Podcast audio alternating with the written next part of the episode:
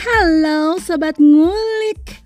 Para ngulikers Mita Hapsari. Kembali lagi dengan episode terbaru setelah minggu lalu tertunda ya. Maklum Ibu rumah tangga banyak kerjaan. Ya banyak kerjaan. Kerjaan rumah lah. Anak sekolah di rumah. Semuanya pada di rumah ya kan? Well episode kali ini kita ngobrol tentang micin memories.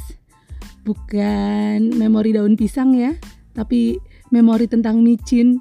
Ya karena gue itu kemarin sempat terhempas dan terhenyak kaget luar biasa gitu kan karena ada beberapa produk cemilan yang akhirnya hengkang dari Indonesia Raya jadi produksi makanan ringan merek Lays. Udah, ini favorit gue nih. Lays rumput laut lagi ya. Cheetos dan juga Doritos ini akan dihentikan ya uh, peredarannya di Indonesia mulai Agustus 2021 dan ini sudah disampaikan oleh PT Indofood Frito-Lay Makmur atau IFL yang akan mengakhiri perjanjian lisensinya dengan PepsiCo ya ternyata ini Pepsi ya bu. Si baru tahu gitu gue. Dan juga saat ini masih dalam uh, masa transisi lah selama enam bulan gitu ya. Dimulai dari Februari 2021 ini. Nah terhitung tanggal 18 Agustus nanti ya PT Indofood Frito-Lay Makmur atau IFL akan memproduksi Lays dan Cheetos. Jadi produksinya diambil nih sekarang sama Indofood gitu. Nggak sama Pepsi lagi grupnya Pepsi.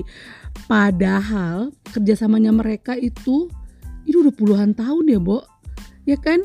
Jadi entarnya tuh Pepsi uh, ya pokoknya entarnya Pepsi gitu ya dan atau pihak afiliasi lainnya tuh nggak boleh memproduksi, mengemas, menjual ataupun memasarkan ataupun mendistribusikan gitu ya produk makanan uh, yang seperti itu ya makanan ringan seperti itu apa pun lah gitu di Indonesia yang bersaing dengan produk IFL selama tiga tahun sejak berakhirnya masa transisi. Ngono toh ya ampun.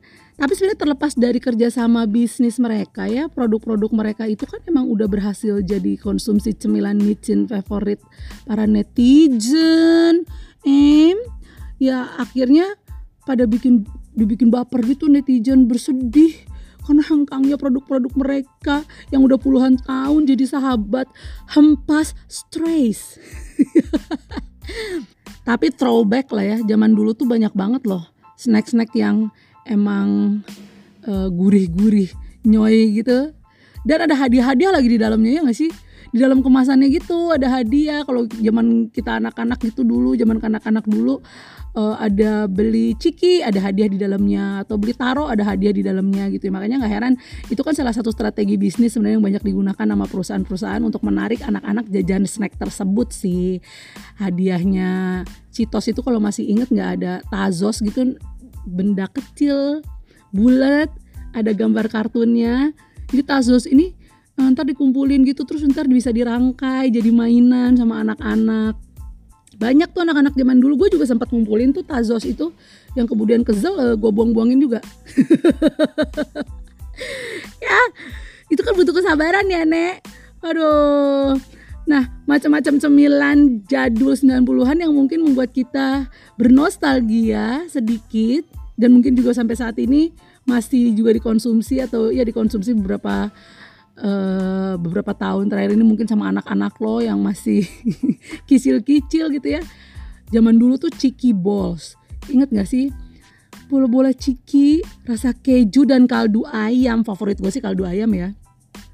Itu enak banget, Bo. Ada mie krip-krip, inget gak? Mie kecil-kecil gitu kayak remes di mie remes lah ya kecil-kecil gitu. Harganya tuh dulu kayak 50 perakan gitu. Ya ampun. Cuman kalau sekarang ada lagi. Kalau zaman sekarang tuh ada mie gemes. Ya, ya kayak krip-krip gitu juga sih ya. Oh enggak sih bentuknya kotak. Harus kita hancurin sendiri. Kalau krip-krip tuh emang udah hancur di dalamnya gitu. Tapi itu tingkat enaknya tingkat dewa betul anak mas. Nah ini. Anak mas juga juara nih. Ya jangan ditanya lagi. Ini mie endes cemilan endes dibanding mie, yang lain gue di salah satu yang favorit anak mas sih. Kan mau dikasih bumbu nggak dikasih bumbu tetap endol ya tetap enak. Yuh, apalagi dikasih bumbu. Wuh, yeah. terus ada tik tik tik tik itu snack kentang sebenarnya bentuknya lurus-lurus gitu ada rasa bawang. Ada ya rasa bawang deh kalau nggak salah. Ya pokoknya gitu deh. Kentang lah ya intinya sih gitu. Uh, sekarang tuh masih ada yang jual kayaknya ya. Masih kalau dulu masih harganya 100 perak sampai 300 perak. Lah kalau sekarang dijual online gue sempet cek tuh. Bu harga judi jual online nya sepuluh ribu. Satu bungkus kecil. Tapi emang bener loh lu makan atau nyemil nyemil uh, cemilan cemilan micin gitu ya itu kayak bawa lo ke zaman dulu lo masa kecil gitu. Gue kalau sekarang ngemil taro aja atau citos ya favorit gue citos jagung bakar po aduh itu kayak yang nikmat banget. Gue pernah ya punya pengalaman sampai gue ngutang ke warung waktu SD gara-gara gue tuh seneng banget makan citos ya Nah, uh, uang jajan gue kan terbatas. Terus abis, tapi gue masih mau ngemil. Gue ngutang ke warung bilangnya gini, Bi, aku beli ini ya, nanti mama aku yang bayar. Padahal belum tentu nyokap gue bayar, orang nyokap gue nggak tahu gue ngutang, udah dikasih uang bekal, kenapa gue harus ngutang juga? Itu sampai udah gitu pas nyokap ngambil rapot ya, si uh, tukang kantinnya, si ibu-ibu kantinnya bilang, Bu, maaf, Neng Mita punya punya bill di sini istilahnya gitu ya. Punya utang di warung saya berapa? Jumlahnya tuh kayak sekitar 3000 gitu. Ya itu 3000 cuman gue SD tahun 80 90 ya. Iya cukup gede gitu kan. Mungkin kalau zaman sekarang 30 ribu. Lah ngapain gue jajan cemilan 30 ribu? Ampun deh. Iya ya zaman zaman itu kayaknya teman terbaik cemilan MSG. M. Nah, kalau kita bicara tentang kesehatan ya, cemilan itu yang mengandung micin itu berbahaya nggak sih? Iya kalau kita kenal lagi micin ini sebenarnya uh, sebutannya MSG gitu ya, monosodium glutamate. Um, itu kan penyedap rasa untuk makanan. Sebenarnya aman-aman aja kalau lu mengkonsumsinya juga nggak lebih dari 1,7 gram per hari. Ini gue baca dari Halo Dokter ya. Cuma 1,7 gram per hari supaya efek sampingnya nggak ada atau dampak burungnya dampak buruknya itu nggak terlalu gitu ya. Jadi memang harus dibatasi. Nah, micin itu sebenarnya secara alami juga bisa ditemukan di makanan-makanan yang mengandung protein tinggi kayak di daging sapi, rumput laut, kecap, keju parmesan, tomat itu ada di situ. Nah, itu barulah kan micin alami. Kalau konsumsinya berlebih itu bisa nyebabin nih yang paling parah tuh kerusakan sel saraf. Lo bayangin tubuh lo tuh terdiri dari saraf-saraf yang banyak ya kan? Benyong-benyong aja gitu banyak banget itu bisa bikin sel saraf lo rusak terus sejumlah penyakit penyakit yang emang e, dikaitkan dengan kerusakan saraf itu ya karena konsumsi MSG berlebih di antaranya tuh penyakit Alzheimer, terus Parkinson sama stroke gitu. Ada lagi yang sering dijumpai adalah asma. Kalau lu salah satu uh, apa ya pengidap asma kayak anak gue nih, dia punya asma kambuhan kalau konsumsi micin tuh. Makanya anak gue nggak bisa. Anak gue tuh umur 5 tahun sekarang ya.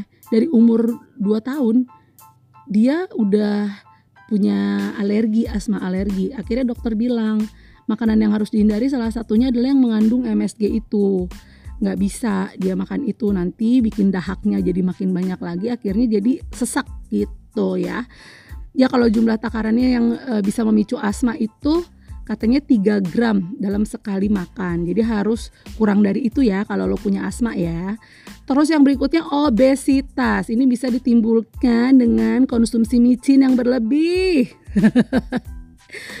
Bikin gendut bahaya bu. Itu bisa menyebabkan obesitas dan kegemukan. Cuman ada penelitian yang bilang ini perlu diteliti lagi katanya. Karena ada juga penelitian yang menyatakan kalau micin itu ternyata dapat menimbulkan efek kenyang lebih lama dan bisa membantu menjaga berat badan. Ngemil sasa apa kita? nasi ya, anget, nasi anget, taburin sasa. ya tambah ceplok telur lah biar ada gizinya dikit. Begitu ternyata sobat ngulik. Ya ampun. Sebegitunya ini gue ngobrolin ini gara-gara hangkangnya Citos. Salah satu cemilan favorit Eke. Ingat Citosnya jagung bakar ya kalau gue. Ha, ya sudah deh kalau begitu. Terima kasih sudah mendengarkan ngulik episode kali ini. Uh, kita tunggu yang episode berikutnya kita ngobrolin apa ya? Kan ngulik mah bisa ngulik apa aja sih. Gue bisa ngulik hal-hal yang ringan karena memang gak mau ngulik yang berat-berat juga. Hidup kita udah berat cin. Jangan ditambah berat sama ngulik yang berat-berat. Kita ngulik yang ringan-ringan aja atau throwback throwback gitu. Seru keles. Ya kan? Mita Hapsari pamit. Selamat melanjutkan aktivitasnya. Ketemu minggu depan di ngulik